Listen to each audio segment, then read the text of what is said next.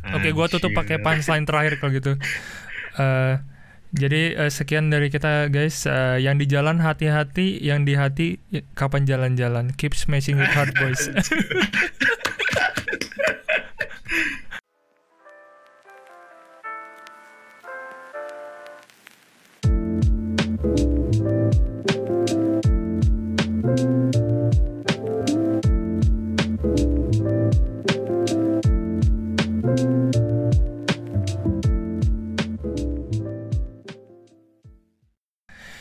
Ya guys, balik lagi di podcast kita nih, Clueless Perspective yang keenam.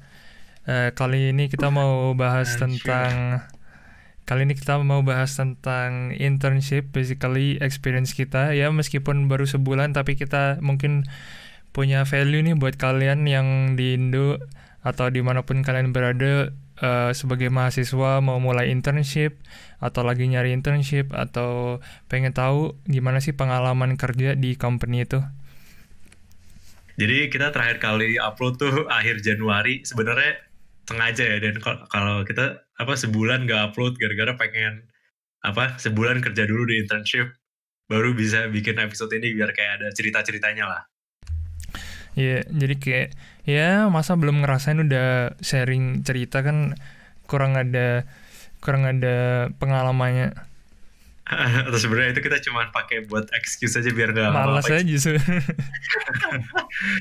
oh, oh by the way ini episode uh, apa karena ini kita nggak ada guest speaker for the first time since episode kita yang pertama gue gak tahu kalau misalnya ya inform, inform, information aja lah buat orang-orang yang gak tahu di Belanda ini uh, pas awal-awal pertengahan Februari lah itu ada kayak badai salju.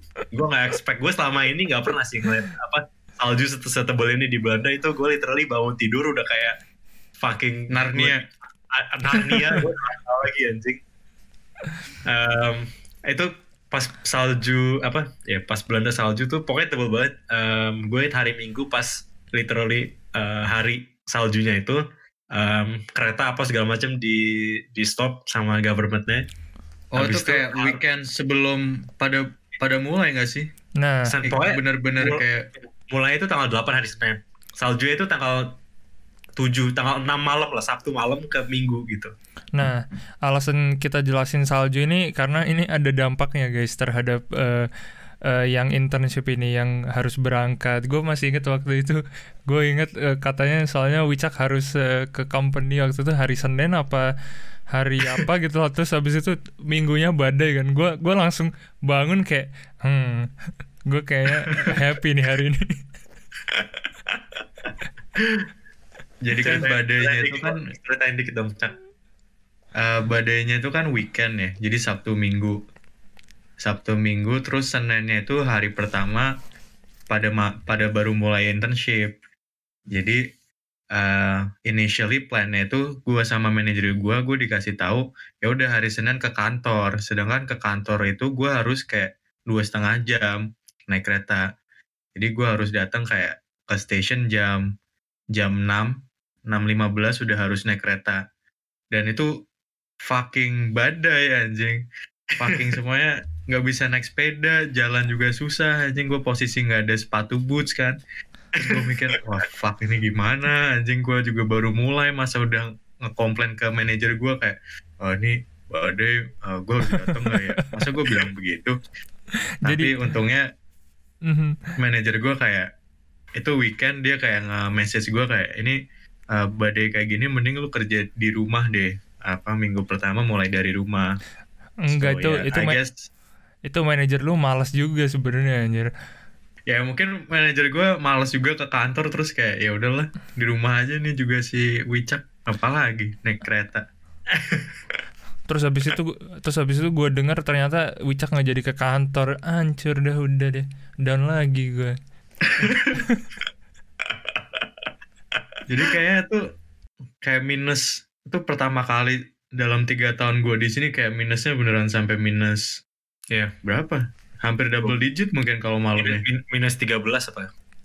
Eh tapi iya minus. tapi for, eh, buat informasi aja nih buat orang Indo dikira jam 6.15 kayak eh udahlah udah normal pagi. Beda ya jam 6.15 di sini tuh kayak di Indo jam 4 jam 4 pagi lah jadi bahasanya kayak bukan jam 6.15 di Indo yang udah kayak warung-warung udah, Udah buka terang ya. udah Iya, ini iya. di Iya, sini iya. kayak Masih masih, gelap. iya kalau gue work from home jadi fuck you guys Udah Mantap. hangat di depan heater kan.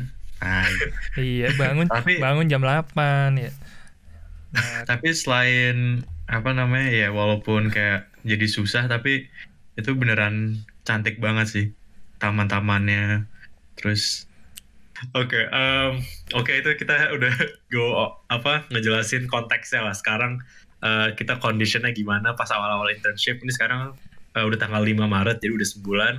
Eh, mungkin awal-awal kayak eh, satu-satu inilah ngejelasin company eh, yang kita, maksudnya internshipnya kita di mana gitu. Kayak buat ngasih em, apa penjelasan awal-awal biar orang-orang pada tahu lah konteksnya kayak gimana. Eh, ya kalau gue company gue sebenarnya di Venre tapi karena itu tadi gue work from home jadi kayak doesn't matter buat gue eh terus eh, balik lagi gue bisa 100% work from home karena mostly eh gue di eh, di department eh, purchasing. Kalau bahasa Indonesia itu apa ya? Pemasaran atau kok pemasaran sih. pengadaan. Pembelian. Pemasaran. gak ada pak?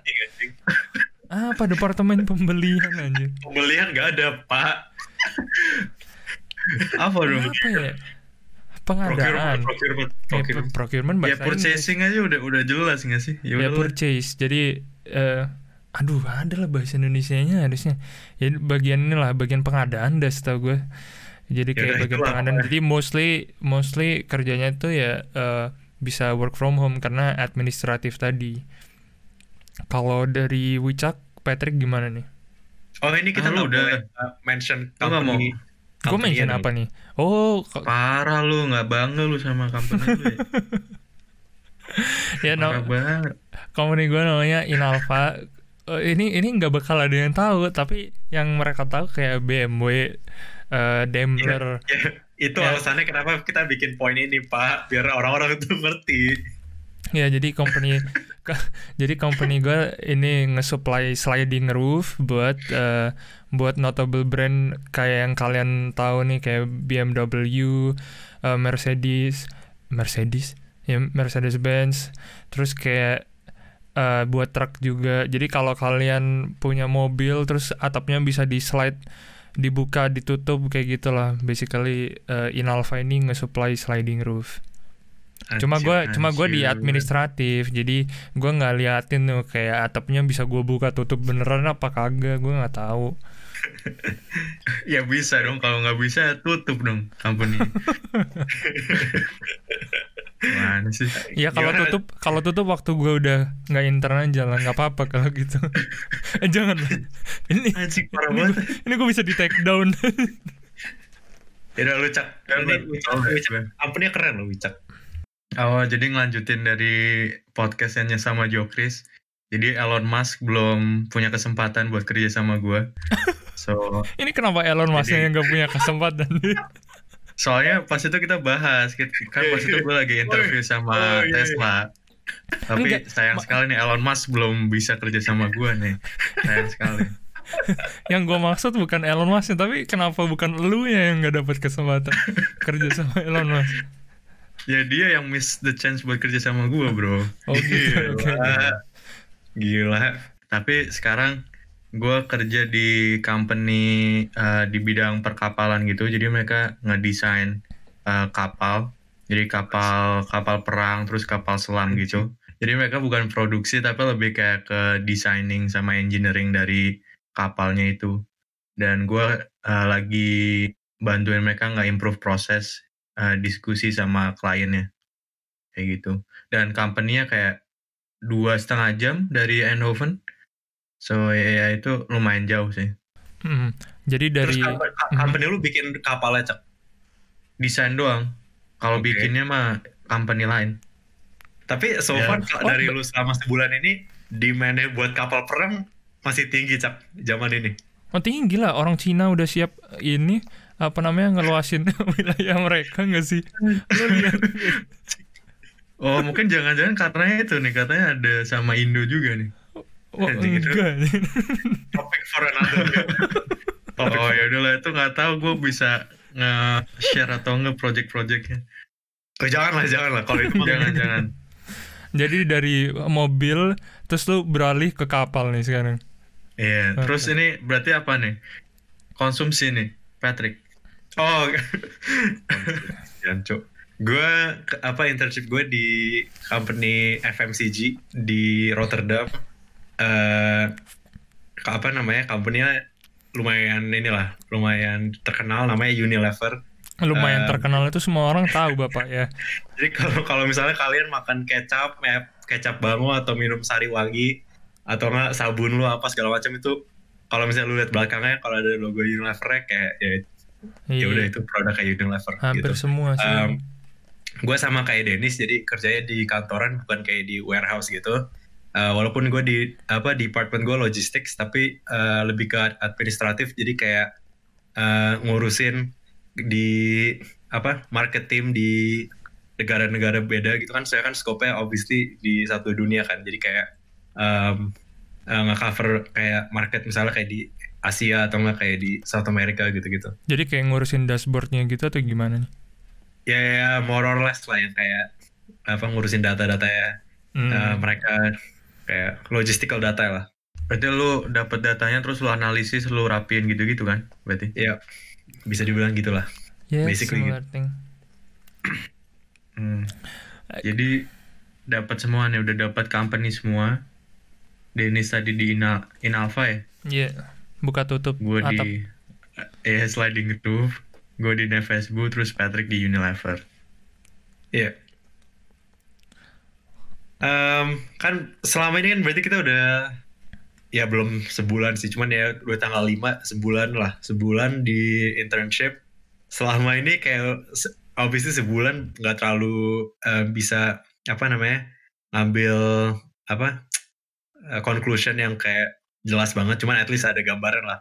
Kalau gue gue lumayan curious sih dari especially dari Wicak sama Dedi soalnya kayak ex- apa internship pertama kali um, experience selama sebulan di Facebook sama di Innova buat kalian kayak gimana? Yang ngap- ngapain aja atau nggak apa yang lu pelajarin dari pengalaman lu so far? Ah, kalau dari gua dari selama gua kerja satu bulan ini, yang gua experience, yang gua notice so far, yang gue pelajarin itu, lu harus lebih proaktif menurut gua. Karena kalau misalnya lu di sekolah, kalau misalnya lu di university kan kayak mostly kayak banyak teman-teman lu terus kayak suka dibahas kayak oh ini uh, tugasnya deadline-nya udah deket nih atau misalnya harus ngumpulin uh, assignment ini atau apa. Jadi Hmm. kayak masih ada motivation sama dorongan dari luar buat ngelakuin assignment itu kan. Disuapin lah, disuapin. Eh, ya disuapin lah kayak deadline-nya udah jelas, terus ngumpulin apa itu juga udah jelas. Sedangkan Iya. kalau misalnya lu kerja sekarang yang gue rasain kayak orang-orang kolega-kolega lu tuh juga ada kesibukan yang lain. Iya. Jadi nggak cuma ngurusin lu. Jadi lu lebih harus proaktif nanya-nanya mereka kayak uh, kalau misalnya lu ada pertanyaan tentang research lu, lu harus kayak yang uh, nge-arrange uh, meeting sama mereka, lu yang harus kayak uh, mulai nanya-nanya pertanyaan yang berhubungan sama research lu. Jadi uh, bottom line kayak lu harus lebih proaktif karena ya gue nggak punya ada nggak ada siapa-siapa lagi yang ngedorong lu kalau misalnya lu nggak jalan ya ya udah lu nggak pass anjir gue punya solusi nih buat eh, yang yang lu bilang tadi kayak ya kalau di sekolah kan ada deadline-nya semua udah dis- disuapin. Nah, eh, so- eh, cara gue gue juga takut kayak gitu kan. Gue orangnya kayak gue nggak bisa kayak dikasih waktu sebulan terus kayak eh, nggak ada kayak eh, short deadline-nya. Jadi jadi gue waktu pertama kali meeting gue gue bilang oh iya nih eh, kalau bisa gue eh, lu kasih gue target dong kayak either dua hari tiga hari lu harus nyelesain ini nyelesain ini jadi gue tiap dua hari tiga hari dia kayak bilang ya ini buat dua hari ke depan harus selesai buat dua hari ke depan harus selesai jadi gue kayak selalu keep on track karena itu tadi gue minta dia kayak set set eh, set waktu buat gue instead of kayak gue dikasih semua terus kayak Indian harus finish gitu Biar Gua ada nggak tahu. dikit. kenapa Biar ada Iya, pressure dikit. ya bi- bisa dibilang pressure atau kayak lebih nge-overview-nya lebih gampang sih buat gue gue nggak tahu sih kalau case lu bisa kayak gitu atau enggak cak Eh gue nangkepnya kayak uh, lebih kayak ya udah lu meeting rutin sama manajer lu. Kalau misalnya lu meeting kan obviously lu harus nyiapin sesuatu dong. There must be Yeah. something new yang harus dibahas. Jadi there must be progress. Dan gue ngerasa ya sekarang gue meeting mungkin kayak dua hari sekali. Jadi ya itu kayak nge-push gue buat oke setiap meeting gue harus nunjukin sesuatu yang baru gitu sih. Sama Iya. satu lagi yang gue apa namanya eh, pelajarin tuh uh, pas awal-awal tuh overwhelming banget kayak ah, ini gue hasil akhirnya bakal apa ya gue nanti bakal kontribusi apa sih soalnya gue belum kebayang nih masalah company-nya apa tapi sekarang gue belajarnya kayak ya udah eh, ya udah lu ngambil baby step aja dulu. Jangan langsung mikirin kayak hasil akhirnya. Lebih kayak ya udah eh, bulan ini lu pelajarin prosesnya. Bulan depan berarti lu udah bisa ngeformulate eh, problemnya. Jadi lebih kayak ya udah lu ngambilnya jangan langsung lihat hasil akhir. Lebih kayak ngambil baby step dulu. Jangan lihat hasil akhir. Supaya lu nggak terlalu takut supaya nggak terlalu pusing gitu ini sih. ini lu ngomong kayak lu udah nggak takut tapi tiap hari kita ketemu kadang-kadang lu bingung. Lu bingung gue bingung gue Ini buat podcast aja sih biar dia kelihatan keren aja. iya bro. Lu jangan nge-expose gua gitu dong. Aduh. Cut cut bro. Parah nih teman gue wingman gue buruk. Gue waktu denger kok ini kok dia nadanya udah kayak beda kayak biasa ngobrol ya. Ini apa dia beneran udah gue tadi gue tadi juga sempet kayak anjing ini orang jawabannya sabi juga. Um, kalau misalnya gue bisa nambahin, um, ya tambahin lah jadi kan gue ini inter- bukan internship pertama kan, gue udah internship tahun lalu, buat tahun ketiga ini internship uh, graduation gue. Um, jadi more or less gue udah punya gambaran lah apa yang gue harus expect di internship ini. Cuman kayak yang gue tahu uh, di internship di company ini sih kayak um, how much um, company culture sama orang-orang itu kayak affects how you work. Sebenarnya ini kita udah ngebahas juga sih sama Kevin kayak kan waktu itu pernah bilang kayak eh, yang pelajaran apa ya? Yang dari IM yang kayak eh, orang yang apa sih namanya personality topi merah, topi hitam, eh topi biru apa ah sih? ya thinking color Itu. thinking gitu lah apa thinking hat basically yang kayak ngejelasin kayak kategori-kategori orang-orang yang lu bakal encounter di um, corporate life lu. Um, uh, jadi yang gue expect dari um, company itu kayak oh mungkin gue bakal ketemu orang-orang yang mirip-mirip sama yang gue udah encounter di internship gue sebelumnya. Cuman um, menurut gue gue pleasantly surprised karena orang-orang yang gue ketemu di sini including manager, colleague, teman-teman in- in- apa even interns baru apa segala macam kayak gue suka banget environmentnya walaupun cuma work from home um, kayak pada yang ngajakin meeting kayak uh, virtual coffee meeting sama interns lain lu bisa ngomong apa ngobrol-ngobrol networking sama orang-orang. Uh, menurut gue itu kayak bikin experience-nya that much better. Soalnya lu kayak walaupun lu di rumah tapi lu tetap bisa ngerasa kayak connected sama orang-orang yang lu masih kayak belum pernah ketemu um, which bakal help lu uh, apa ya kayak kalau misalnya lu lagi butuh something dari orang lain lu udah tahu kayak orang-orang yang lu harus kejar buat nanya apa um, sama kalau misalnya kayak sama manager lu yang um, schedule-nya padat misalnya lu pengen kayak ya even 10-15 menit um, lu bisa schedule meeting sama dia um, gue sih setiap hari ya yang kayak kalau misalnya gue ada pertanyaan atau enggak kayak ada progress apa bisa uh, meeting sama dia nanya-nanya. Menurut gue itu berguna banget sih. Jadi kayak company culture itu penting banget um, bisa bikin your time during your apa ya life di kantor tuh lebih sabi gitu loh Hmm, jadi lu udah pusing sama kerjaan, jangan ditambahin pusing sama kolega-kolega lu gitu lah.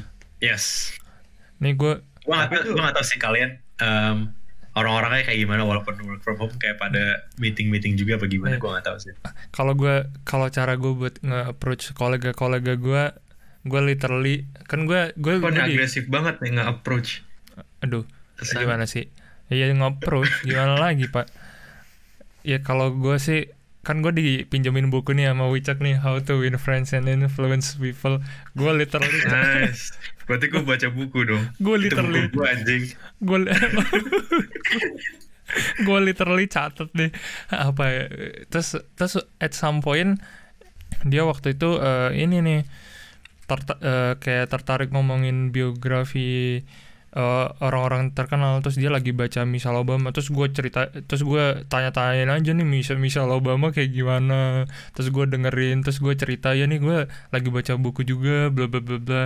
Terus semenjak hari itu semenjak hari itu semenjak meeting itu sama salah satu kolega gue dia tiap kali email gue tuh kayak kayak kayak kayak baik banget. Terus setiap kali gue salah itu kayak oh sorry gue gue yang ngeindikasiin ke lu eh, salah kayak gitu jadi kayak tiap kali gue salah dia kayak selalu selalu nggak nggak ngepanis gue tapi lebih kayak dia mau nge-improve cara dia nge-instruct gue mungkin kayak kurang bisa lebih dipahami jadi kayak holy shit this book actually works First Gua- point dari buku kan? Itu mau yang first point ya?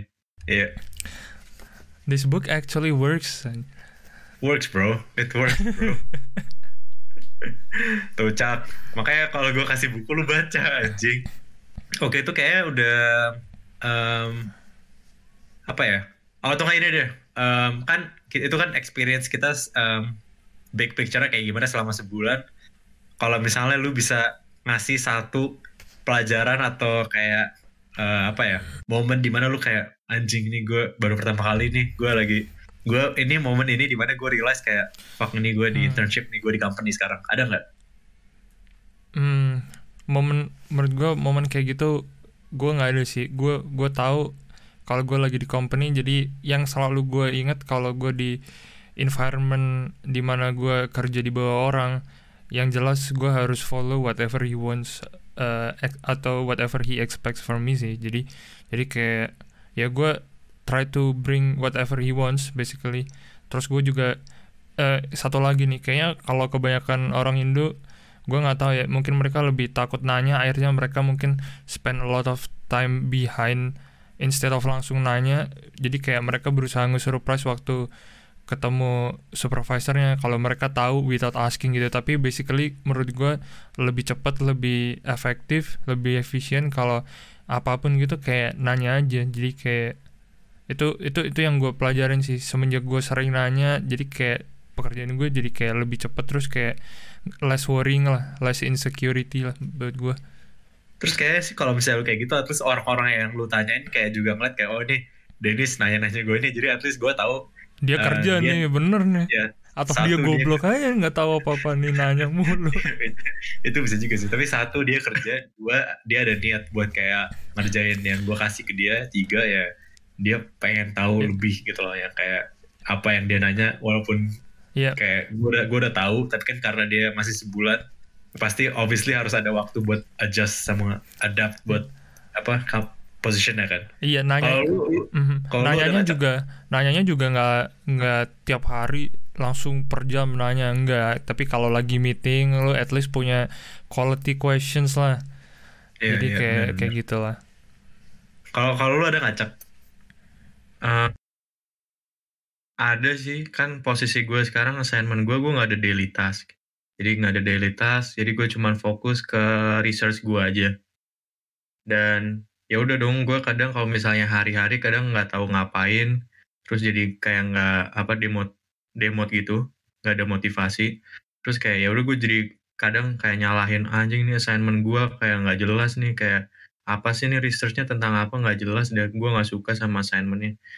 Tapi kayak gue nggak bisa kayak gitu terus karena kalau misalnya gue mikirnya kayak gitu terus ya ujung-ujungnya gue yang kayak kena masalah nanti. Kayak uh, researchnya nggak selesai-selesai atau nanti bakal banyak kerjaan di akhir. Jadi gue kayak akhirnya mikir eh buat ya udah itu yang proaktif jadi proaktif sama lebih kayak ya udah apa namanya ngambil langkah kecil-kecil aja gitu sih. Jadi jangan keburu mikir hasil akhir tapi lebih kayak ya udah pelan-pelan. Eh, tips sih kalau intern di Belanda gue nggak tahu di Indo. Kalau lu bisa bring whatever value for the company itu pasti dia nge-backup lu masalah apa pun research yang proposal buat sekolah. Jadi jadi kayak kalau di case gue kayak gitu tadi noh karena gue udah kayak smashing it hard on the office jadi dia selalu kayak nge-backup oh ya betul, betul. smashing it hard in the Smashing it hard. office apa Oh, that- smashing that sounds so wrong tuh Siap. bukan bukan bukan terminologi kayak bisa di adjust dikit That sounds so wrong tuh. Nggak maksud gue kayak maksud gue kalau lu pokoknya kalau kalau di Belanda kan internshipnya uh, sebenarnya buat research sekolah, proposal, terus company sebagai tempatnya kan. Hmm. Harusnya kan jalan dua-duanya kan ada school objektif, company subjektif. Nah kalau di case gue, gue bring whatever uh, whatever value I can bring for the company. Soalnya kalau company udah satisfied, dia bakal back you up apa pun yang uh, sekolah mau. Kayak contohnya. Bener sih. Contohnya di gua contohnya di gua karena case gue ini harus improve uh, bisnis prosesnya terus gue bilang nih kita kan work from home nih wah ntar ini kita di topik work from home nggak udah Gak apa-apa, gak apa-apa, gak apa. kan gue work from home nih buat ngeanalisa suatu proses kan jadi lebih susah kayak gue nggak mungkin dong bisa ngitung nih eh kayak kerja buat eh, ngurusin invoice ngambil berapa lama sih kenapa kok lama? Kan gue nggak mungkin bisa ngitung kan orang semuanya kerja work from home semua yang ngurusin invoice juga dari rumah. Terus kayak gitu jadi eh, research gue jadi susah nih buat eh, di fase menghitung atau fase measure gitu. Jadi gue bilang nih ke supervisor gue nah karena karena gue udah eh, karena gue udah berusaha ngasih value ke dia dia bilang ya udah yang penting kita yang penting lu come up with uh, improvement buat yang measuring phase atau current state kita selalu bisa pakai assumption lah gue bisa backup lu masalah itu dia bilang kayak gitu jadi kayak oh ya udahlah kalau lu bilang oke berarti sekolah pasti juga percaya Mantap, mantap. Hmm. Oke. Kalau lu gimana, Pat? Ada pernah kayak epiphany gitu nggak pas lu internship? Em, jadi di apa internship gue yang tahun lalu itu gue eh, ada sedikit distance dari intern sama manager kan. Karena ya satu dia sering travel jadi kayak jarang ketemu terus kayak assignmentnya cuma di communicate based on apa email doang. Jadi kita cuma kayak tahu oh ini tugasnya ini kita kerjain kita balikin udah selesai. Cuman yang ini kali ini karena semuanya work from home jadi obviously kan ada waktu buat video call kan. Jadi kita meeting apa internal cuma gue sih. Jadi gue meeting sama uh, tim lain sama maksudnya tim Hmm. di negara lain sama manajer gue itu pasti selalu itu sering banget. Bisa dibilang sering banget dibandingin yang what I did in my last internship.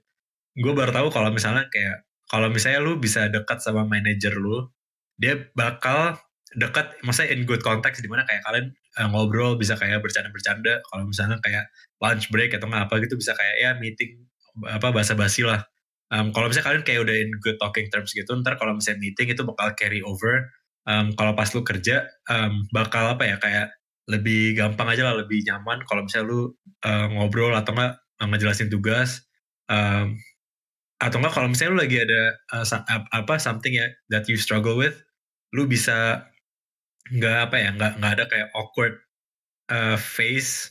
Uh, whereas kalau misalnya lu ada distance sama manager lu kayak bakal ada apa ya eh, nggak ada kayak nggak enak gitu.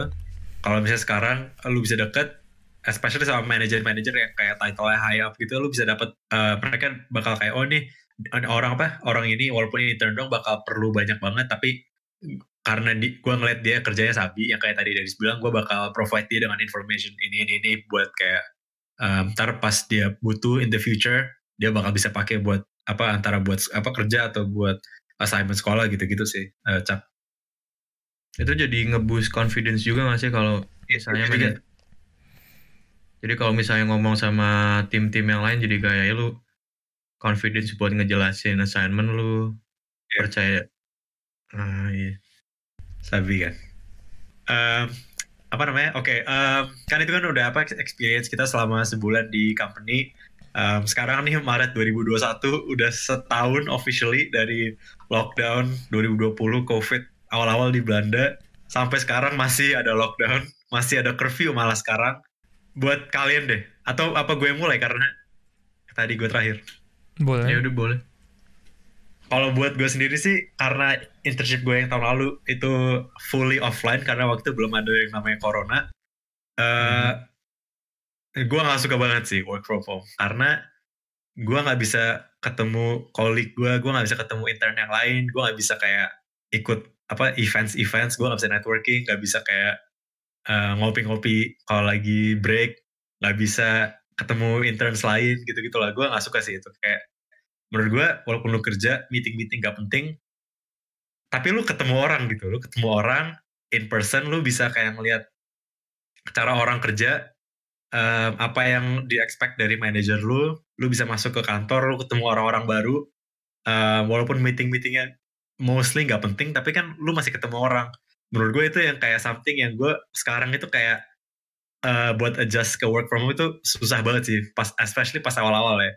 Em, soalnya lu meeting cuman kayak ya udah lu bangun tidur lu mandi eh, lu siap-siap lu duduk di apa di depan eh, laptop apa di depan Hmm. eh, meja lu lu habis itu lu pas udah selesai lu berdiri habis itu lu udah sampai rumah gitu. Ya, itu gue nggak suka banget sih. Obviously walaupun kayak the commute naik kereta itu kayak nggak ada ya itu gue thankful banget sih gak harus bangun pagi especially buat wicak ya. Cuman interaction human interaction itu sih gue gue gue kangen banget sih itu. Kalau buat kalian Jadi, gimana? Cons lu human interaction, prosnya kayak commute, commutingnya. ya tapi eh konsep ini walaupun kayak kayak kalau gue jelasin kayak susah dijelasin sih cuman harus gimana ya susah sih gue jelasin lu harus experience sendiri sih Tapi human interactionnya bener sih kan kalau misalnya sekarang lu WFH, lu ketemu orang yang emang ada tujuannya buat meeting kan. Kalau Iya. misalnya di kantor kan lu cuma ngeliatin orang yang nggak ada hubungannya juga masih ketemu orangnya itu kan. kayak itu, Jadi itu. paling nggak kayak masih pernah, oh gue pernah lihat lu sih kemarin pas di kantin. Yep. gue nggak tahu buat gue karena gue seneng di rumah. Jadi kayak Pro semua, pro. pro pro pro pro pro pro. Apa aja apa aja tuh pros? Enggak maksud gue maksud gue kan kan eh, kalau Patrick Wicha kan orangnya emang ini kayak eh, involvement nama sosialnya tinggi. Kalau gue kan ya bisa dibilang introvert lah biar biar bahasanya normal jadi gue doesn't affect me at all sih basically work from home or not. Gue gue juga kalau waktu meeting sama kolega-kolega gue gue juga udah cerita-cerita udah bisa ngobrol-ngobrol. Basically those kind of interactions enough lah for me. Anjing. Jadi nggak ada nggak ada konsen nih, nggak ada sama sekali. Eh, cons pun nggak ada. kalau cons ya? Malah lebih susah. Kayak ngambil data itu. Oh iya kalau cons itu doang sih tadi yang karena yang karena kita researchnya harus follow. Kalau kalau fik kalau masalah kerja kayaknya gue nggak ada masalah. Tapi kalau masalah ngurusin apa yang sekolah mau nih itu yang menurut gue susah. Kan kita harus follow certain met eh, kayak metode gitu. Terus metodenya harus require ini ini. Karena work from home jadi lebih lebih susah aja lah menurut gue itu sih. Tapi kalau oke. kalau masalah time menurut gue enak banget sih. Gue bangun jam 8 kerja jam 9 gue nggak harus bangun pagi kayak gitu loh kayak Bangunnya jam berapa tuh? 8.55. enggak lah. Jam 8 soalnya biasanya gue ada meeting pagi jadi gue harus prepare something before. Tapi bangun langsung meeting. enggak lah. Waktu itu pernah di ini eh eh, ini kamu baru bangun tidur ya? Gue bilang gue bilang enggak lah. Parah banget. lu baru bangun tidur you look messy as fuck. Kok dia bisa tahu lu baru bangun tidur? Rambut lu berantakan. nggak tahu dia bercanda doang kali. Gue nggak tahu sih dia bercanda apa enggak tapi kayaknya nggak bercanda deh. Soalnya soalnya kan nggak potong rambut nih. Corona nggak potong rambut. Terus apalagi kalau kerja pagi nggak mungkin langsung mandi kan? Ya udah kalau kerja pagi kan mandi sih. Gue nggak langsung mandi, mandi. sih. Gue gue kan mandinya kalau jam 11 jam 12 gue baru mandi sih. Itu Ya. lunch break anjing. Gak mesti mandi sih, cuci muka aja kan. Bisa. anjing. Gue kan corona corona barber tutup kan kata lu. Iya udah kayak begini rambut bro. Eh gue gue minggu lalu tuh gue kan eh, lagi meeting sama manajer gue kan. Abis itu waktu itu tuh gue bangunnya telat tuh. Pokoknya meetingnya jam 9 gue kayak baru gue bangun bangunnya telat. Abis itu kayak pas gue kalau nggak salah telat kayak lumayan lama tuh kayak lima menit apa baru masuk video call dan itu tuh literally cuma gue sama dia jadi dia nungguin sendirian doang tuh di di call abis Wah, itu dia dia gue kayak oh eh, Patrick lu lu tiap hari tuh lu mulai kerja tuh jam berapa sih? Terus gue kayak eh, jam 9 sih, cuman ini gue lagi telat aja hari ini. dia bilang kayak, oh, oke. Soalnya gue kira lu mulai jam setengah 10 tiap hari. Terus gue kayak anjing nih orang pasif agresif. Enggak, enggak lu bilang aja. Kok dia Ya, bisa bilang kayak gitu? lu bilang Ya, aja itu kayak- kemarin kemarin Warrior versus Nets gitu. Oh iya, soalnya eh, manajer gue pa- apa sering ngomongin NBA sama gue jadi kayak itu Oh, dikira lu nonton gitu. Iya iya, cuman eh, itu itu gak itu gak bisa dipakai excuse buat buat one di bulan anjing. Oh iya bos, sorry bos, kemarin Warrior versus Nets gue nonton Duren nih.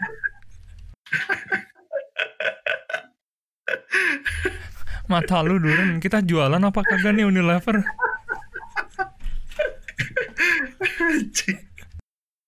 Kalau lu gimana cak? Pros-nya yaitu kan soalnya eh gue travel nggak di cover kan. So obviously itu eh gue harus bayar sendiri. Jadi ya pertama gue nggak harus travel. Jadi irit juga. Cons-nya lebih kayak kalau misalnya gue di rumah, gue nggak ada kayak pressure.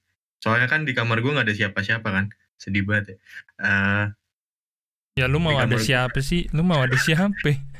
di kamar gue nggak ada siapa-siapa jadi kayak ya udah gue kadang uh, males-malesan kadang gue uh, istirahat uh, lunchnya gue lama-lamain gitu-gitu kan tapi kalau misalnya di kantor kalau di kantor kan kayak banyak uh, kolega-kolega yang lain kan kalau misalnya lu malas-malesan ya ya nggak bisa jadinya ya itu jadi ist- lebih istirahat di lama-lamain emang lu gimana cak lama-lamainnya? Nontonnya biasanya kalau TikTok. istirahat sih 12 sampai jam 1 kan ya udah Iya. gue sampai setengah dua tidur tidur Buset. tidur Nontonin TikTok lah yuk. Enggak lah baca buku Anjir Anjing. Eh bentar-bentar, lu malas aja baca buku, gimana nih? Buset dah emang. Udah upgrade, udah upgrade. Upgrade bro Iya nih gua malas nih, gua baca buku dulu lah. Siap. Eh, anjing, gue gue udah honestly udah gak tahan lagi sih work from home anjing. Gak Wah, rumah tahan sih. Gua tahan. Setahun anjing. udah setahun dari 2020 Maret. Fuck, give me the vaccine bro. Udahlah sampai Juli lah udah Summernya aja baru Bisa keluar Oke. Oh, ada um, pros lagi nih. Ada pros lagi oke. karena work from home. Apa? Nah, kan karena kan karena gua harusnya ada travel reimbursement kan. Tapi Iya. nih berhubung Di, berhubung di- masukin gaji lu ya? Iya dong, seneng banget gua. Anjing, gue gak ada sih kayak gitu. Gue pengen nanya sih sebenarnya. gue ini gue nggak tahu karena karena gue smashing that hard. Bukan. Smashing it hard. Iya karena gue smashing it hard in the office. Gue nggak tahu karena itu apa enggak. Tapi waktu itu gue ngobrol sama supervisor gue terus dia bilang nah ya udahlah itu nggak apa-apa karena meskipun kita nggak travel gue bisa manage kok itu. Lu mungkin kayaknya tetap di tetap dikasih ntar gue urus dia bilang kayak gitu. Terus gue kayak hmm yes yes yes please Udah smashing it hard. Terus, yes, yes please anjing.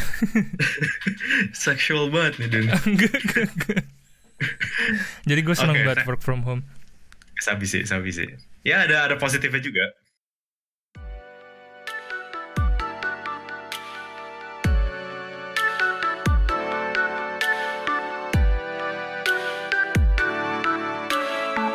Oke, um, kayaknya next question specifically lebih impactful buat Denny sama Wicak. Kan ini kan first internship kan di third year. Um, jadi tahun pertama, tahun kedua um, di kuliah. Sekarang berarti transition ke first ever job position walaupun second year ada uh, project buat company juga cuman ya beda sih menurut gue. Um, kalau menurut kalian transitionnya gimana? Eh, Transitionnya gimana ya Eh, Kalau misalnya lu kuliah kan kayak eh, nggak nggak 9 to 5 kan obviously kadang kelas jam 10 sampai jam 11 habis itu kelas lagi jam 1 sampai jam 2 habis itu udah kelar. Jadi lu eh, banyak banget waktu kosong kayak free time gitu Iya. eh, setelah kelas. Dan ya sekarang kalau lu kerja kayak 9 to 5 ya udah lu kayak free time-nya dikit banget tuh dari jam 5 sampai ya sampai lu tidur jam 10 so ya gue ngerasa itu dong sekarang, time. sekarang kalau misalnya kalau misalnya apa udah menjelang weekend tuh hari Kamis nggak hari Jumat gue gue atau nggak Wicak pasti message kayak eh, ini Sabtu Minggu ada plan gak bro? iya bro gue jadi kalau misalnya buat yang belum internship itu lalu apa namanya nikmatin deh waktu-waktu lu. Oh, especially sekarang di Belanda nih abis salju minggu-minggu terakhir ini tuh kayak weather enak banget sih. Kayak oh iya langitnya cantik banget sumpah 8, 18, 20 terus kayak mataharinya terang, eh, enak banget sih. Tapi Dennis tetap di rumah juga guys. Iya, gimana dong? oh enggak enggak enggak besok besok gue ada something. It's okay. Besok gue makan bareng si Arke sama Michelle. Wah, kok gue gak diajak kok? Nggak nggak bisa soalnya di Kok jadi rumah. bahas itu Ya udah gak usah dibahasin. Jadi bahas itu Oke, jadi kayaknya sekarang kalau misalnya weekend tuh, especially gara-gara eh, ditambah lagi weathernya cerah, Wicak makin apa pengen keluar gara-gara eh, waktu istirahatnya tuh dikit, jadi harus weekendnya harus di maximize ya cak ya. Wah lu bayang, eh, gue nggak nggak tahu cara ngejelasinnya tapi pas Jumat misalnya meeting jam 3 selesai terus bilang ke manajer fine weekend, wah rasanya bro fine weekend anjir. Tau gak, itu feeling itu lebih di magnify kalau misalnya lu on the way home dari kantor, ah, lu cabut bilang I'll see you on Monday atau nggak kayak have a nice weekend. Oh itu best Oh feeling iya ever. itu kayaknya itu, juga. itu best feeling ever. Apalagi, apalagi di kereta, lu bakal hype as fuck dengerin lagu, udah kayak seru banget anjing. Welcome to weekend. Apalagi kalau misalnya weathernya cerah, terus habis itu lu masuk kantor hari Senin, cuacanya udah apa rainy, cloudy, asik kayak how's, how's your weekend? How's your weekend? Terus lu kayak, ya oke, it was good. Ini kalau misalnya gue bisa ngirim apa jualan udara di sini, wah udaranya enak banget nih sekarang nih lagi nggak dingin dingin, ya anget, terus Ada cerah. matahari ya? Enak banget sih, pas banget sih. sabi banget bro. Spring is coming bro. Oke, kalau buat lu gimana Den? Transisi. Iya. Hmm. Eh, menurut gue gue lebih senang sekolah sih gue nggak tahu kenapa. Tapi kayak sekolah tuh kayak menurut gue kayak fix aja gitu loh. Kayak ini ada ujian lo belajar kayak enak gitu. Kayak nggak nggak mungkin nggak mungkin ada sesuatu yang di luar eh hmm, apa sih di luar ekspektasi eh, seorang murid harus lakuin lu pasti disuruh ujian lu pasti disuruh belajar udahlah kayak gitu gitu. Lempeng-lempeng aja gitu iya maksud gue kayak ya udah kayak nggak ada something yang tiba-tiba kayak oh gue belum pernah gue di kerja kayak belum pernah ngerjain ini terus gue harus search something gitu. Maksud gue kayak lu lu belajarnya itu kayak lebih ri- eh, apa sih situasional gitu loh. Karena situasi di kerja itu nggak kayak yang di sekolah yang udah kayak oh ya nih minggu depan bakal ada ujian Disuapin. ini bukan disuapin sih lebih kayak lu udah expect lah lu harus belajar apa kayak gitu oh iya nih Hmm. tahun 2 udah lu harus belajar eh, logistik oh iya lah Eh, kayak lu udah inilah aware lah lu bakal lu bakal kayak gitu tapi kalau di kerja tuh Oh, tiba-tiba iya, kayak you know what to expect, you know what to expect. Iya lu udah aware gitu loh sama sesuatu yang bakal terjadi di sekolah either itu karena modulnya udah ada atau ya basically semua murid kayak gitu kan. Tapi kalau di kerja itu Iya. kadang-kadang ini tuh gua, yang gua barusan tuh kayak oh iya nih minggu depan kita ada audit nih. Soalnya si ini si si BMW mau ngecek kita sebagai supplier kita udah memenuhi persyaratan gak nih. Terus terus waktu itu kita inputnya itu kayak masih belum rapi belum rata terus kadang-kadang masih ada yang missing jadi gua kayak dalam seminggu itu eh, nanya-nanyain orang terus habis itu kayak ngecekin di SharePoint mereka ini udah di mana terus terus ya kayak gitulah Kalau- something yang unexpected kayak gitulah yang gue kayak aduh Lu nada kayak curhat gitu sih iya iya iya kayak, kayak curhat lagi gitu. susah gitu. bukan susah sih lebih lebih kayak ke Iya, iya, gue Ya. gue ngerti sih maksudnya. Cuman kayak lu nggak bilang Gua- nih kemarin lu nggak bilang nih BMW bakal datang minggu depan. Ya Iya. BMW juga nggak bilang gitu. Iya iya. Iya bener sih. Gue gue pas tahun lalu juga kayak gitu sih. Kayak gue literally fish out of water banget lah. Gue nggak expect kayak kalau misalnya gini loh, kalau misalnya di sekolah kan kayak yang lu pelajarin tuh ada start ada ada middle ada end gitu. Apa yang lu Hmm. ngelakuin pasti ada ada hasilnya cuman kalau misalnya di kantor nggak ada yang kayak gitu. Jadi kayak apa yang terjadi hari ini atau enggak minggu ini minggu depan tuh bakal might be completely different. Might something might happen yang lu nggak expect sama sekali. Terus lu harus bisa adapt quickly ke situation atau circumstances yang baru. Um, tapi justru karena itu gue lebih suka malah dibandingin sekolah. Soalnya gua ya lu belajarnya lebih banyak gitu. Nah, itu bener sih. Kalau kalau masalah experience masalah belajar ya sih. Jadi lu lebih ngerti lah dunia nyata kayak begini kalau misalnya oke gue bakal nanya question deh. Kan eh, mungkin yang gue dengar dari Wicak gue nggak tahu dari Dennis juga tuh yang kayak eh, tiap kali gue ketemu tuh kayak anjing nih gue nggak tahu sih gue nggak I, I don't know if I can do this um, after lulus gue nggak tahu kalau gue bisa 9 to 5 atau atau enggak. Eh, tapi menurut lu apa yang lu kan ya baru sebulan juga sih cuman kayak yang lu dapetin kan eh, lu kebayang lah um, how the 9 to 5 life um, works menurut lu apa yang lu bakal dapet di 9 to 5 itu penting untuk lu untuk lu punya nggak? Untuk lu misalnya kayak start a business atau do whatever you want selain 9 to 5 kalau misalnya kayak lu nggak mau ngelakuin penting. um, 9 to 5 job. Karena? Menurut gue dengan gue ngerasain bener-bener 9 to 5 ini gue jadi tahu wah gue nggak bisa nih ngerasain ini selama 3 tahun 4 tahun ke depan. Kayaknya itu kayak jadi mom momen buat lu ngepush kayak something eh, lu mau ngelakuin apa yang lu pengen jadi kayak eh, ngedorong lu kalau kayak bikin lu lebih self aware aja lah kalau lu emang nggak nggak begitu seneng kerja 9 to 5 gitu jadi lu mulai coba-coba something yang lain gitu Mhm. menurut gue Tapi lebih karena lu nggak mau kerja 9 to 5 atau lebih karena lu Males malas aja. kerja? iya udah ngomong panjang lebar Iya. cuman bottom line-nya males doang anjing. Iya kayak kayaknya anak zaman sekarang itu kayak enggak gue gue gue tahu nih gue gue gue tahu gue mau apa yang gue lakuin gue nggak mau nih kerja 9 to 5 tapi ju- sebenarnya juga nggak mau ngapa-ngapain. Tapi kalau misalnya menurut gue 9 to 5 itu penting. Yang gue kepik yang gue kepikiran ada dua sih. Yang pertama itu lu tahu how a good business or a bad business works atau a good department a good uh, deep or a bad department works. Jadi kayak karena lu interact sama orang-orang makanya gue bilang kan penting lu uh, work for apa kerja interact sama orang-orang lu tahu gitu loh kayak gak, dari interaction itu lu bakal tahu kayak how does a company work? Misalnya dari CEO-nya gimana caranya dia nggak manage um, apa bawahan-bawahannya atau enggak kayak company ini apa prosesnya dari awal sampai akhir kayak gimana. Kayak misalnya gue juga baru tahu kayak sebelum gue internship tuh kayak ya udah lu apa eh, beli produk kayak misalnya Dove atau apa Ben Jerry's gitu. Kayak lu ya udah lu beli lu makan gitu cuman kayak banyak banget steps before nyampe di supermarket itu yang kayak gue baru tahu sekompleks itu gitu loh. Itu satu. Jadi gue bakal kayak jadi lu tuh kayak bakal appreciate gitu lah companies and how they work.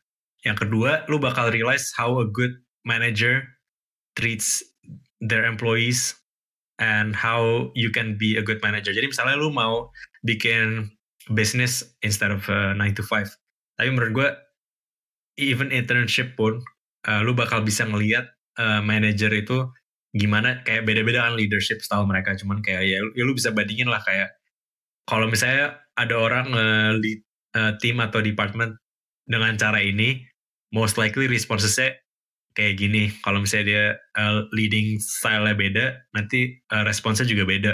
Jadi menurut gue lu bakal ke expose ke banyak types of different people yang tadi gue bilang yang kayak di episode, episode Kevin yang kayak apa sih thinking head topi merah apa segala Mhm. macam itu. Lu bisa tahu oh kalau misalnya gue kayak gini eh responsnya most likely kayak gini kalau gue responsnya kayak gini eh kalau gue ngelakuin ini responsnya kayak gini. Tapi advantage ya yang lu bisa ngelakuin kalau di 9 to 5 especially di company gede ya lu bisa ketemu sama manajer banyak banyak type juga yang Mhm. bikin lu have an advantage itu kalau misalnya lu bisa dapet lu ngambil-ngambil yang bagusnya dari orang-orang yang banyak ini gitu loh jadi kalau misalnya lu udah selesai atau enggak nanti in the future lu bakal bikin company lu sendiri lu bakal jadi combination of manager-manager yang lu udah had before bener sih itu bener banget does that make sense? menurut gue make sense as fuck Tapi ya itu bener bisa.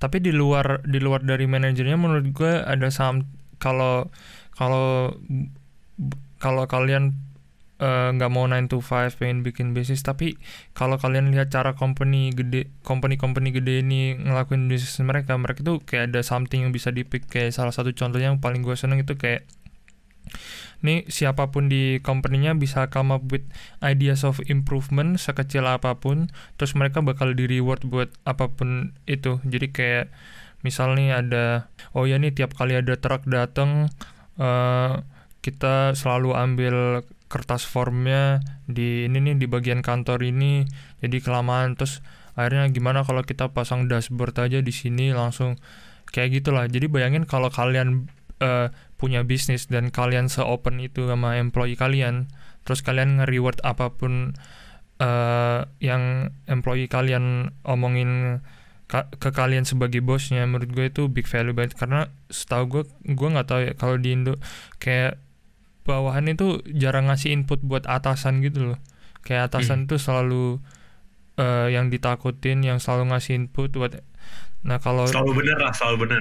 Iya, ya, atasan tuh kalau selalu bener. Nah, kalau di company yang gue pernah intern ini dia kayak gitu. Jadi kayak sem- semuanya bisa ngomong apa pun ke bosnya. Jadi menurut gue seba lu sebagai startup, sebagai apa human involvement itu menurut gue paling penting sih human factor.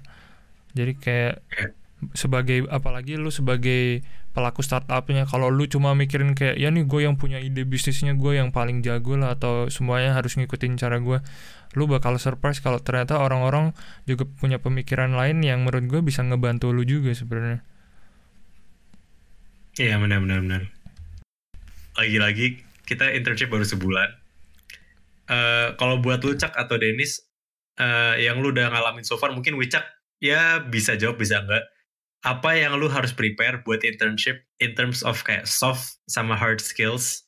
Atau enggak bisa juga kayak apa yang lu tahu sekarang. Kalau misalnya lu bisa ketemu eh Wicak yang pas di apa yang pas di, yang pas di kereta di salju itu lu bisa ngasih tahu ke Wicak yang pas baru mulai internship apa yang lu bakal ngasih tahu ke Wicak yang bulan yang lalu Cak? Lu dulu atau gimana cak? Gue bisa ngasih Lalu penjelasan. dulu deh, gue kayaknya ini. kalau buat gue sih karena lu di posisi lu di environment yang baru terus menurut gue human relation itu paling penting. Jadi menurut gue try to win their heart their heart as much as you can. Kayak misal mereka expect A lu kasih lah A plus 1 A plus 2 A plus 3 Iya. Iya. terus eh, apa pun itulah. Terus kayak nih eh, oh nih eh, apa namanya ini orang cari tahu lah orangnya seneng apa soalnya menurut gue itu lu di environment baru lu butuh support dari orang-orang sekitar lu. Dan Yeah. kalau orang-orang sekitar lu itu nggak nge-accept lu atau bahasanya kurang kurang nganggep eh lu di circle mereka menurut gue lu nggak bakal ini sih nggak bakal enak sih. Jadi try win their heart. Jadi kayak contohnya nih kolega gue seneng nih sama PSV anjir gue ngomongin PSV nya waktu meeting. Dia nggak jadi ngomongin tooling anjir. Kan meetingnya udah udah gue udah tulis.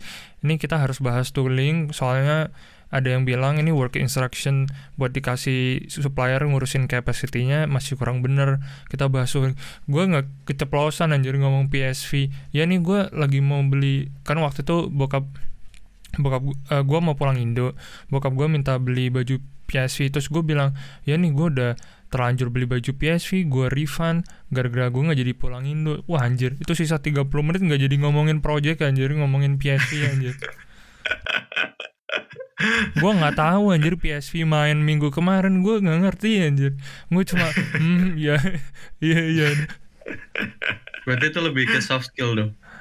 menurut Iya itu Iya. kayaknya soft skill sih. Jadi itu menurut gue human relation itu kayak big major major major advantage lah buat lo kalau lu bisa uh, win people's heart. Itu eh, tambahin tambahan lagi dikit. Kalau misalnya kira-kira orang kayak nanya gimana kalau misalnya gue mau improve eh, social skills gue biar ntar di company bakal sabi? Baca Iya. buku apa deh baca buku apa deh nggak tahu.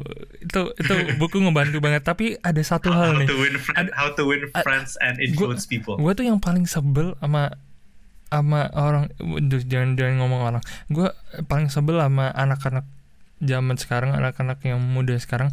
Itu mereka kayak kadang-kadang itu kayak mereka itu mereka tuh kayak seneng banget fe- the feelings of superiority gitu loh. Jadi kayak Hmm. mereka tuh kayak kayak kayak nggak nggak kayak gimana ya kayak enggan berusaha berusaha komunikasi sama orang atau kayak ngomong yang enak sama orang kayak gitu lah mereka kayak basic kalau gue nggak tahu ya tapi kayak mereka dianggap keren kalau mereka itu kayak nunjukin some sort of superiority di mana mereka kayak nggak ngepercorong Alpha duluan male. Alpha male.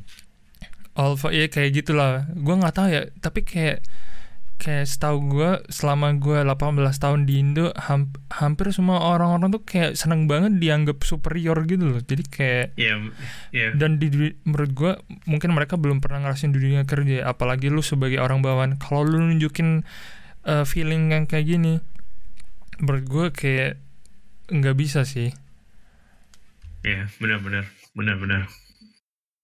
Lu harus Iya. have kayak eh attitude di mana lu kayak gue mulai dari awal gue nggak tahu apa apa gue harus go out of my way untuk kayak ke orang-orang yang bisa ngebantuin gue eh itu lu ngelakuinnya gimana ya? Lu harus nanya orang lu harus eh, harus humble lu harus kayak ya udah lu nggak tahu apa apa tapi it, it doesn't mean that lu harus kayak so tahu oh ini gue Iya. udah tahu ini ini, ini gue lu Iya gue nggak bisa gue nggak perlu belajar apa lagi. Ya itu per gue lu bakal kayak especially di western culture ya yang kayak mereka kalau misalnya lu nggak butuh lu nggak ngomong apa apa ya udah gue nggak bakal kayak ngejar-ngejar lu gitu orang lu intern lu bawahan ya lu lu harus put in the effort lah. Kenapa manajer yang harus ngejar-ngejar lu gitu sih yang gue tahu.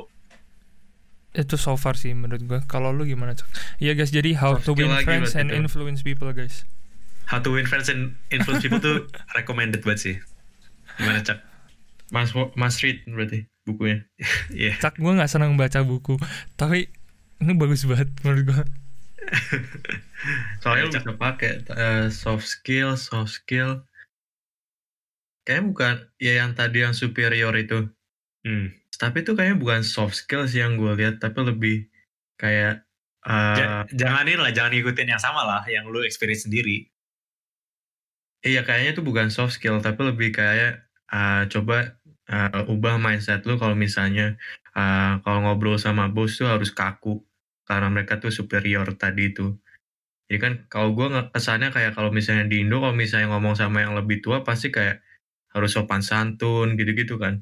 Kayak ini apa namanya didikan lama lah didikan lama Iya, terus ke pas itu kayak ini uh, bos gue kayak uh, kesel kayak gue panggil sir sir mulu kayak yes sir, yes sir, yes sir. Akhirnya di lama-lama kayak uh, you know what? You don't have to call me by uh, like sir sir. We skip the politeness ya. Lu panggil gue pakai nama gue aja. Dan semenjak saat itu gue mikir kayak ya udah gue jadi berani ngedeketin mau komersial de- uh, director, mau manager, ya udah gue treat the same way. Di change the mindset kalau emang misalnya lu, semua lu orang pas tuh awal lu pas awal-awal manggilnya Mister ini Mister itu enggak enggak enggak Ya, lu mister tapi sambil kayak bow sir, gitu. sir, sir gitu. lu di kamera sambil kayak nunduk gitu ya. Ya enggak enggak enggak sampai segitu tapi kayak gue jadi kayak malu-malu kayak harus kayak sopan gitu tapi lama-lama kayak ya udahlah mau komersial director ya udah kalau memang gue ada pertanyaannya gue tanya nggak usah malu-malu. hard skill Oke, hard skill sekarang kayaknya kita ngomongin soft skill. Hard skill tuh apa? Excel nih. Patrick. itu itu itu salah satu skill yang gue learn the hard way sih gue waktu itu pas jadi di- menurut gue ya ini di Fontis di IEM di jurusan kita gue lumayan ngerasa kita nggak di prepare buat dunia kerja kita cuma di prepare buat kayak tahu konteks dari project yang going on di technical companies tapi kita nggak dikasih tahu how to run those companies kan Dan kita dikasih that tahu lewat internship Iya. ini kita dikasih tahu lewat internship ini way. Tapi kita harus learn it the hard way teach ourselves basically. Dan itu salah satu yang kayak benar-benar shock myself itu um, Excel sih. Gue pas tahun kemarin gue ya udah Excel basic basic doang yang gue tahu. Anjing itu gue tahun kemarin internship nggak tahu apa apa gue kayak harus beli course sendiri buat kayak latihan malam-malam. Thankfully karena gue udah belajar banyak dari internship yang terakhir sama dari orang-orang juga yang ini ya lumayan gue bisa lah Eh, cuman itu salah itu contoh aja sih. Hard skills yang lain sih menurut gue eh apa ya? Lu harus bisa communicate itu soft skill ya? Itu soft skill tadi. Balik hard skill yang paling mencolok itu sih di gue Iya kalau lu sih. apa cak? Udah gue. hard skill nggak ada nggak ada yang lain. Microsoft Office sih basically. Oh ada satu lagi gue Power BI itu dashboarding tool yang sabi parah itu konteksnya terlalu- kalau lu bakal ngurus Power BI iya sih bener Ya, oh ya ya. Oh oke. Jadi uh, to put into perspective di kan kita kan di kerja di field logistics supply chain ya sekitar situlah. Uh, after kayak conversation sama manajer gue sama kolega-kolega yang lain, um, trennya itu supply chain sama logistics itu towards digitalization. Jadi udah nggak yang kayak benerin layout lah, bikin proses yang baru itu still going to be a part of it. Cuman sekarang especially buat company-company gede kayak um, trennya lebih ke kayak ngegunain data-data sama um, apa ya information yang, yang udah dipunyain buat nge-project apa yang bakal um, di-expect 10-20 tahun dari sekarang terus kayak bikin decision sama plan buat um, projection itu jadi obviously one of the most important things ya dashboarding buat ngeliat data lu kayak gimana gitu loh nah itu salah satu itu pakai Power BI menurut gue Power BI itu masih belum apa ya masih belum widely uh, Widely used used, ya. sama widely used di sekolah-sekolah university yang kayak well at least ya, sepengetahuan gue ya di uh, Fontis level ya yang Fontis nggak ngasih Fontis Iya, nggak ngasih. iya. Masa kita kita nggak ngasih dan eh, eh, apa ya kayak gue gue dapat eh, belajar banyak sih dari internship gue ini kayak gimana ngelakuin itu. Dan sebenarnya nggak nggak sesusah itu sih cuman berguna banget sih. Dan gue yakin itu kalau misalnya ya mungkin 3-4 tahun dari sekarang most if not all companies udah bakal eh, ngegunain some sort of dashboarding tool. Jadi Iya. penting lah. Itu itu one of the things yang kalau misalnya kalian nggak dapet dan kalian ngerasa kayak oh nggak ada di sekolah berarti nggak penting. Cuman karena just because itu nggak ada di sekolah doesn't mean Bener. itu nggak penting. Ya lu lu bisa beli course atau nggak lu belajar apa belajar di YouTube banyak lah uh, resources yang gratis pun lu Ini- bisa belajar Power BI jadi kalau misalnya lu masuk ke dalam position lu yang pertama ya lu at least udah tahu-tahu nggak harus bisa pakai banget cuman at least tuh you know what you're talking about gitu loh Ya, ini bisa jadi advantage lu buat interview juga. Jadi oh lu iya iya iya lu bring more than uh, the table lah. Lu bring more than the rest lah basically. Kalau di Iya. dalam meja per industri per tek per per teknikan ya kalau dalam meja lu sebagai orang teknik lu offer something yang similar kan of course karena lu sekolah yang sama. Makanya lu harus punya menurut gue something different tadi. Biasanya ngepick interest tuh kayak gitu tuh. Iya. Ya sih hard skill nggak ada yang lain sih. Microsoft Office sih buat gue fix kayak maksud gue Apalagi? eh, maksud gue iya lu tahu lu Word bisa ngetik bukan gitu sih menurut gue lebih kayak ke. Word bisa ngetik ya iya Word bisa ngetik bisa font bisa something maksud gue lebih kayak ke tatanannya terus kayak tabelnya jadi kayak lu advance lah advance jadi iya jadi lu nggak spend time on those little things lah maksud gue hmm. Ya bikin table of content gitu-gitu ya. Alright. oke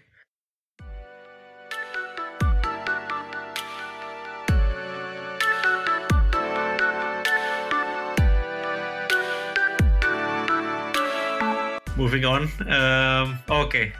Um, mungkin karena kita udah ngomongin internship panjang lebar, um, kerjanya itself, kayaknya it's interesting untuk backtrack ke awal-awal cara dapet internship kan waktu itu pas awal-awal kan dapetnya pas zaman-zaman covid tuh. Um, mungkin bisa diceritain kayak satu-satu nih pada dapat assignment internshipnya pada gimana caranya apa kayak konteks cerita lu atau kayak gimana gitu. cara dapat internship ya satu lu harus punya koneksi nah itu paling gampang no.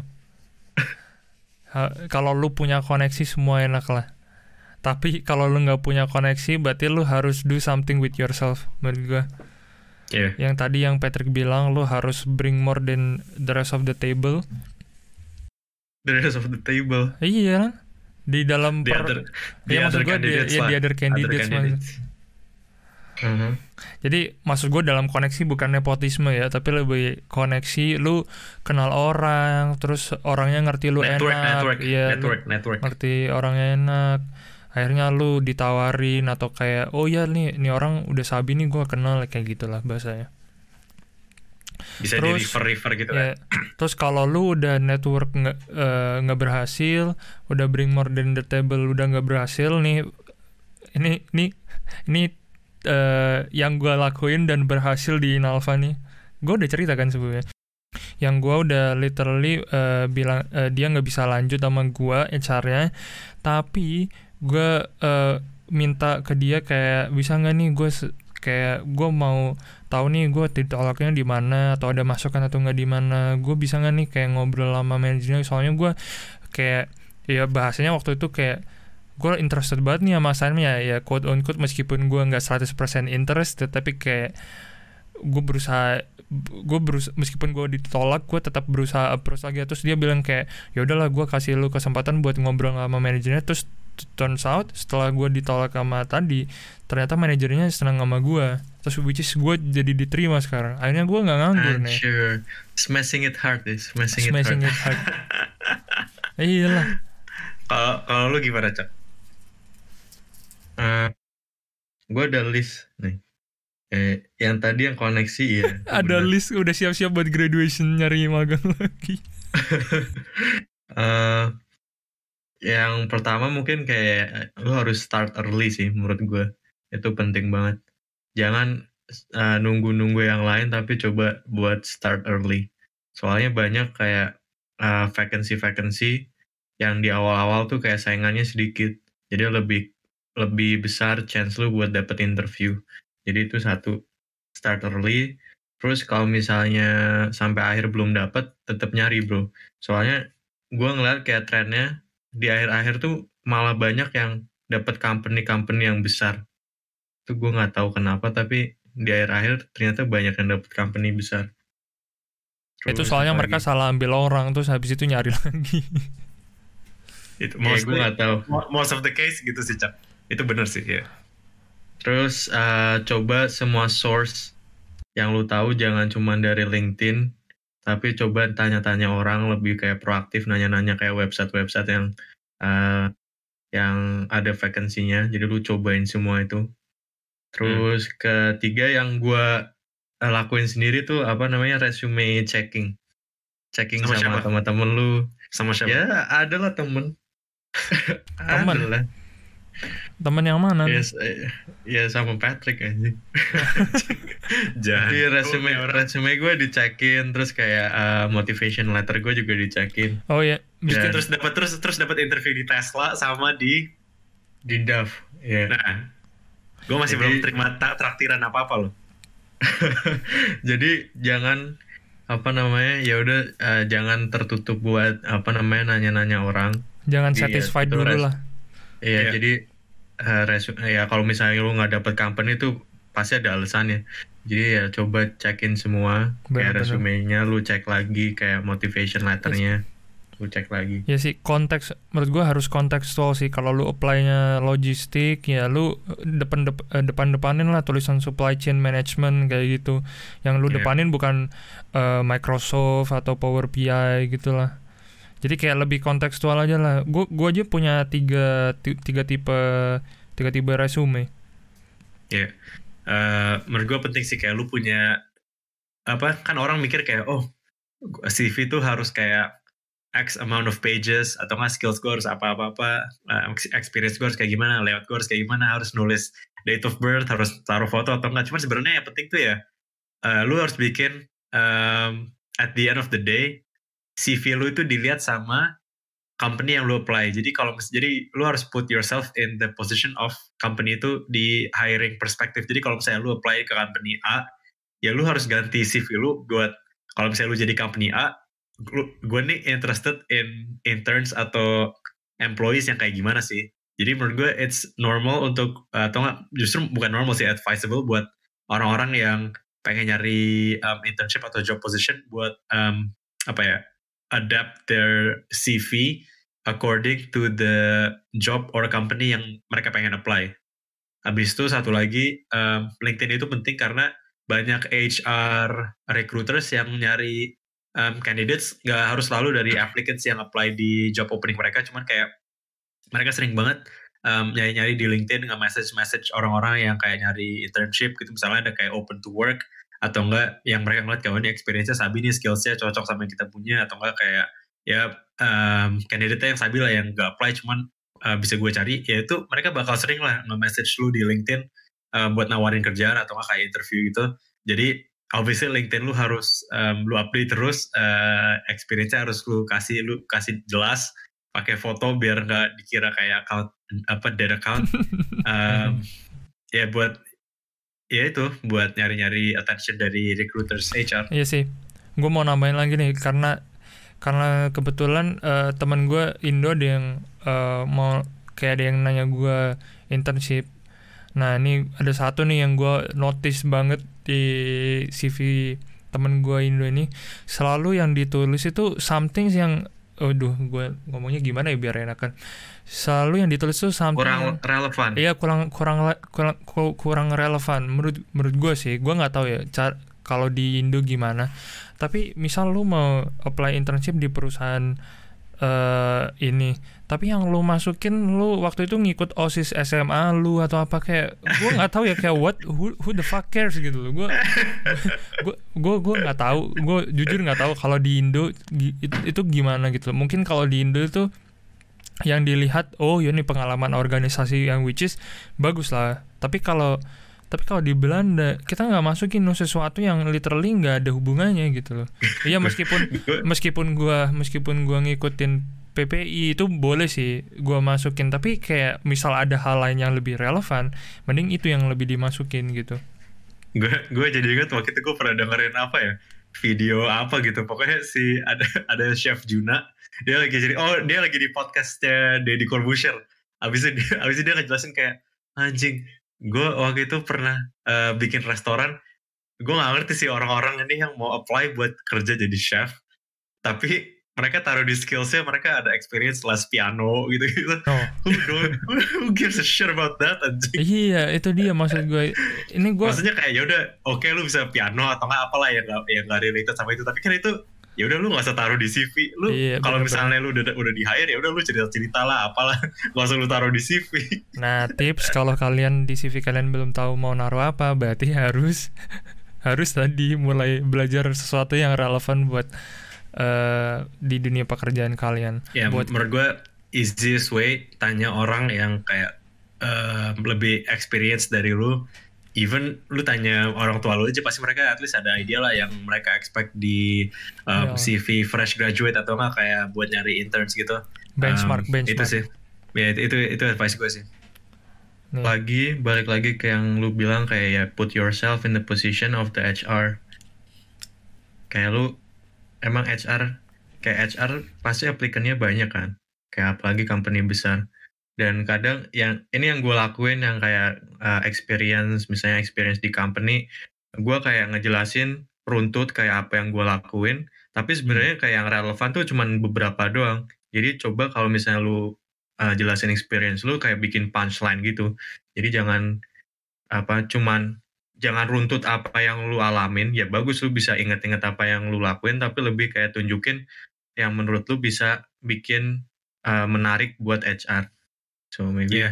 Satu lagi yang bisa gue tambahin dari interview kan gue udah udah apply ke banyak, udah ditolak banyak juga kan, dapat interview ditolak tolak tolak. Kan gue pasti bakal selalu uh, nanya buat feedback. Um, kalau buat interview sih menurut gue um, apa ya kayak lu harus show the company. Kalau misalnya tuh lu excited, lu pengen dapat apa position itu karena alasannya ini ini ini. Karena gue uh, dan alasan yang lu udah mention itu lu harus relate sama kayak gue fit buat company ini karena gue udah pernah ngelakuin ini atau enggak skills gue tuh ini ini ini. Gue fit di culture lu um, gue excited buat apply di company ini di position ini um, for the skills yang udah gue mention. Jadi lu harus uh, show kalau misalnya lu enthusiastic buat position yang lu apply dan lu uh, kasih mereka impression kalau misalnya lu tuh a good fit buat culture mereka buat um, company mereka employee mereka gitu-gitu sih. Jadi kalau gua sama satu Mhm. lagi oh sorry satu lagi lu harus um, open buat feedback. Obviously jarang banget orang yang di hire dari first company yang mereka apply. Ya itu happens cuman jarang banget lah. Jadi kalau misalnya lu ditolak lu harus maksudnya yang gue lihat tuh banyak orang yang kayak anjing gue ditolak apalah segala macam. Ya lu tanya lah lu harus use the opportunity buat tanya where did I go wrong? Lu feedback ya minta feedback biar lu in the next time ya you don't repeat the same mistakes keep smashing it hard guys. Ya jadi kalau gua rangkum berarti tadi eh, lu harus kontekstual yang relevan tadi. Terus dari Wicak punchline tadi lu harus kreatif cara lu nyampein eh, yang lu bisa yang lu tadi. Terus yang dari Patrick tadi lu nggak boleh nggak boleh nggak boleh kayak nggak boleh nyerah kalau lu udah ditolak atau apa pasti lu bisa tanya something yang lu improve jadi lu tetap keep smashing it hard guys apalagi Iya. nih Jadi hashtag nih. ya keep Eh. smashing it hard boys I think um, gue gue itu aja sih. I really hope kayak sekarang awal Maret ya gue nggak tahu how the vaccines will look like in the next months. Um, cuman gue pengen banget sih bisa visit kerja di kantor gitu. Jadi s- udah udah lama guys kita sharing-sharing eh, buat teman-teman eh, yang mau internship semoga value-value yang kita kasih yang kita sharing at least bisa membantu. Kalau kalian mau internship atau apa atau basically kita juga bisa kalau ada yang mau tanya-tanya kita terima ini enggak kita kita Iya, terima tinggal message ya, aja. di clueless perspektif atau tanya salah satu dari kita bebas lah kita bisa bantu atau apa pun. Iya, Uh, I think that's all. Yeah. Uh, thank you yang, for iya. listening. Yang di jalan hati-hati. Oke, okay, gue tutup pakai punchline terakhir kalau gitu. Uh, jadi uh, sekian dari kita guys. Uh, yang di jalan hati-hati, yang di hati kapan jalan-jalan. Keep smashing with hard boys.